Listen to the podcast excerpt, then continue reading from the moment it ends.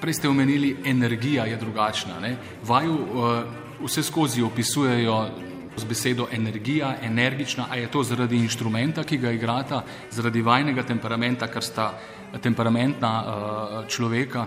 Mi smo uvijek bili energični, svirali smo puno strasti i puno i klasična dijela i uvijek smo imali taj temperament strašan i mm. što nas je nekad i koštalo u klasici. Kakšnih nagrad na tekmovanjih? pa? A sad smo došli na svoje i sad ono skroz možemo sav taj adrenalin u tim rock pjesmama ispoljiti.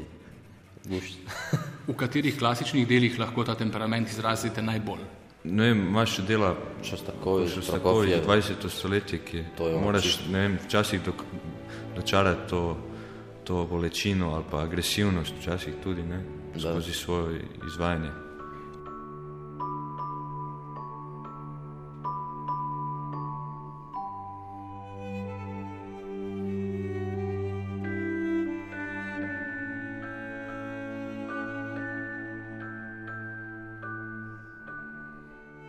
Kaj violončelo kot um, inštrument izrazi najbolje? Kako ga vidva dojemata? Sve može izraziti. To je, to je to kod čela velik plus. To. I Pravijo, te- da je najbliže človeškemu glasu. Da, Ta barva zvuka je zelo emocionalna. Tako da mu leže ove spore, srce drapajuće stvari, romantične kao i, i ove agresivne dijapazoni, ono ogroman, bez, beskonično. Zašto ste vi eh, počeli violončelo? Zakaj prav violončelo? Ja sam ga čuo na Slišal radiju. sem ga na radiju. Ta Ta zvok je magičen. magičen, topel, takoj sem vedel, da želim igrati ta inštrument. Kaj bi želela, eh, da ta javnost, ki vaju zdaj pozna zaradi pop-rock skladb oziroma priredb, zaradi te crossover glasbe, da spozna iz sveta klasične glasbe? Je to Bach, je to Dvoržak, je to Šostakovič, Prokofjev? Mi Kdo sve, so ti? sve što sviramo, sviramo jednak, stajemo sve od sebe i želimo najbolje izvući iz te skladbe, tako da to je glavno i osnovno. Pomembno je le sporočilo, ki ga deliš z nije ni ljudmi. važno čak, važna je ta poruka i to što podijeliš s ljudima. Luka, vi ste omenili prej um, neke vrste popularizacijo, da se mladi ljudje odločajo za študij čela, da gredo v glasbeno šolo in podobno.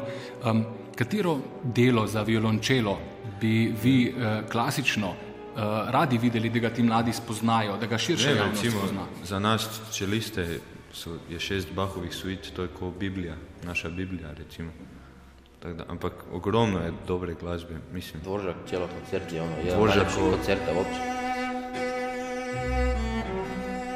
Potem Čajkovski, ne vem, Rahmaninov, potem 20. stoletje tudi, Šostakovič, Prokofjev, ogromno odlične glasbe. Mislim, v klasiki tudi ni vsa klasična glasba dobra, tudi ogromno slabe klasične glasbe, tako kot je ogromno slabega popa na tem svetu. Pogotovo Obstaja danas. samo dobra, in- dobra in stara glasba eh, in slaba glasba. Ja, mislim, problem klasici... Problem klasične glasbe ni, da nima novih del, kar smo omenjali prej, ampak način, na katerega klasično glasbo predstavljajo. Ljudem je dolgočasno, statično in nič jih ne pritegne, da bi šli na koncert. Potrebuje Treba svežino v pristopu. Svežina u, u pristupu. A so tu recimo na zahodu, ne, ne vem, v, v Angliji, v Veliki Britaniji, v Združenih državah, se pravi v Ameriki, dlje?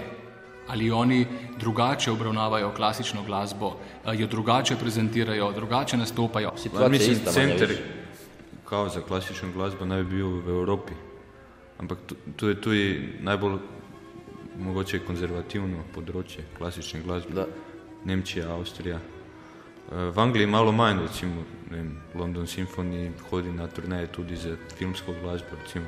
S filmsko glasbo se da tudi približati to, ne vem, simfonično literaturo. Nam, nam je tudi cilj posneti, ne vem, album za filmsko glasbo. Eh, Stepana se kdaj, ko igrate pop-rock repertoar, priredbe, spomnite Mstislava Rostropoviča, vi ste bili njegov Da. učenec, študent, zadnji študent, da drži? Mislim, prije nego što je umro sam, mislim, me čuo ono, jedan od zadnjih čelista igrat, što je ono, s velika sreća.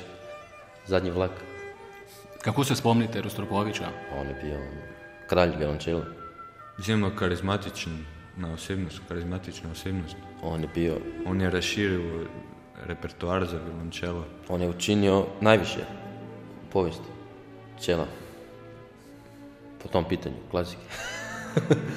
Kaj bi on rekel uh, na to vajno, Ma na smooth criminal? Ja, pa on je radio nove stvari u svoje On je ustvarjal radio nove reči v naše svojem vrijeme. času, mi dva delava nove v našem času. Vremena se mijenjaju. Časi se Ono spreminjajo. doba V nije njegovem bilo času ni niti Michaela Jacksona, niti takšne neke tako popularne glasbe. U V tistem času je bila v u Moskvi samo ali predvsem klasična glasba.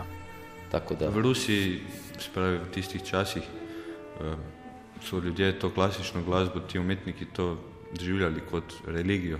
Mislim, sistem je bil pač, kakšen je bil. Šostaković, Prokofjev, to su ono bili ljudi Oni su se maksimalno, pos- to je bil njihov svet, njihov daily life. Oni su, zato su tu i najveći umetniki izhajali iz s- Oni Sovjetskih bili narodni zveza. heroji.